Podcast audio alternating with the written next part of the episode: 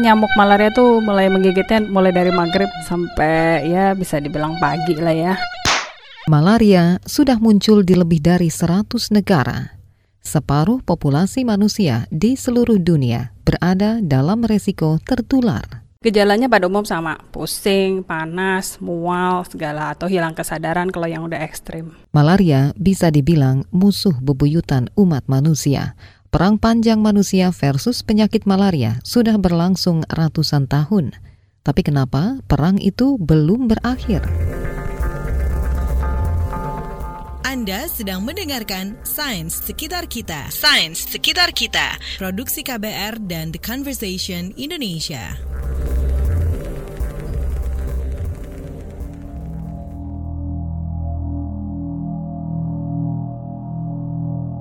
Malaria telah membunuh banyak manusia sejak 4000 tahun terakhir.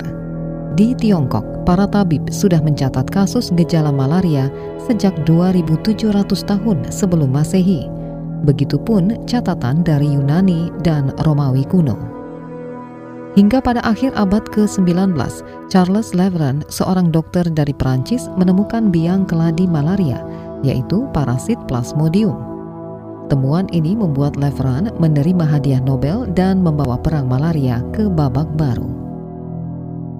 Tidak mudah mengontrol malaria karena pertama dia punya sifat biologi yang unik. Jadi uh, gennya parasit itu sendiri dari satu spesies itu banyak sekali. Nah, masing-masing gen bisa mem mempunyai fungsi masing-masing. Ada juga gen yang bisa bertanggung jawab untuk kalau dia merasa tidak aman, misalnya dia kena obat, uh, orang tersebut dikasih obat malaria, atau orang tersebut sistem imunnya sudah bagus melawan parasit. Nah, dia bisa mengatur parasitnya jadi berubah, gennya diubah. Jadi parasitnya itu pintar. Itu tadi Rintis Novianti ilmuwan senior dari lembaga Eichmann yang ikut berperang melawan malaria di tanah air. Para ilmuwan telah menemukan lima jenis parasit penyebab penyakit malaria pada manusia. Yang paling baru dan berbahaya adalah Plasmodium knowlesi.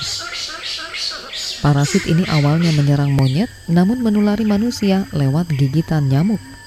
Yang bikin khawatir, Plasmodium knowlesi sudah masuk ke wilayah Sumatera Utara dan Aceh apa saja senjata yang kita punya untuk melawan parasit-parasit itu? Kina sebenarnya juga memang obat malaria yang udah kuno ya. Memang dulu dipakai dari zaman udah tahun berapa 50-an ya itu dipakai. Tapi keluhannya adalah kina tuh jadi kupingnya berdengung, terus sering mual yang minum, jadi nggak nyaman buat penderitanya. Gara-gara efek samping itu, pil kina mulai digantikan obat lain. Salah satunya obat kombinasi yang biasa disebut DHP yang sudah digunakan Indonesia sejak 2004 lewat program pengendalian malaria. Masalahnya, ada parasit malaria yang mulai kebal obat. Dan baru-baru ini ada satu obat baru yang disebut dengan tafenoquine, baru mendapat approval dari FDA di Amerika untuk bisa digunakan sebagai alternatif dari radical cure untuk Plasmodium vivax menggantikan Primaquine. Cuma ini obat karena dosisnya tinggi sekali Eh, dan bisa menyebabkan sel darah merahnya hancur atau istilahnya kita disebut dengan hemolisis, kita harus memeriksa dulu pasien yang kena itu dia ada nggak kelainan enzim, enzim tertentu di dalam tubuhnya yang disebut sebagai G6PD deficient. Menurut Rintis, deteksi dini yang cepat dan akurat mampu mengurangi tingkat kematian akibat malaria. Kelemahan juga saat ini uh, diagnostik diagnostic kit atau tools untuk mendeteksi malaria misalnya dengan rapid diagnostic test yang ada itu tidak cukup sensitif dan tidak cukup spesifik untuk bisa mendeteksi parasit ada di darah manusia. Jadi sekarang uh, banyak peneliti berlomba-lomba untuk membuat kit yang benar-benar bisa mendeteksi parasit untuk yang level paling rendah. The World Health Organization estimates that over 400,000 people die from the disease every year, many of them young children. Terobosan baru sedang dilakukan ilmuwan lewat vaksinasi malaria. Sekitar 750 ribu balita dari tiga negara Afrika dipilih untuk uji coba vaksinasi massal pertama di dunia. Kalau ada vaksin kan bisa diblok tuh si sporozoid nggak bisa masuk ke sel hati. Itu sebenarnya konsepnya. Cuman ternyata dalam perkembangannya hingga sampai clinical trial fase 3 pun dia tidak bisa sampai sekitar 80-90% melindungi manusia bahkan hanya sekitar 50-57% saja bersifat protektif.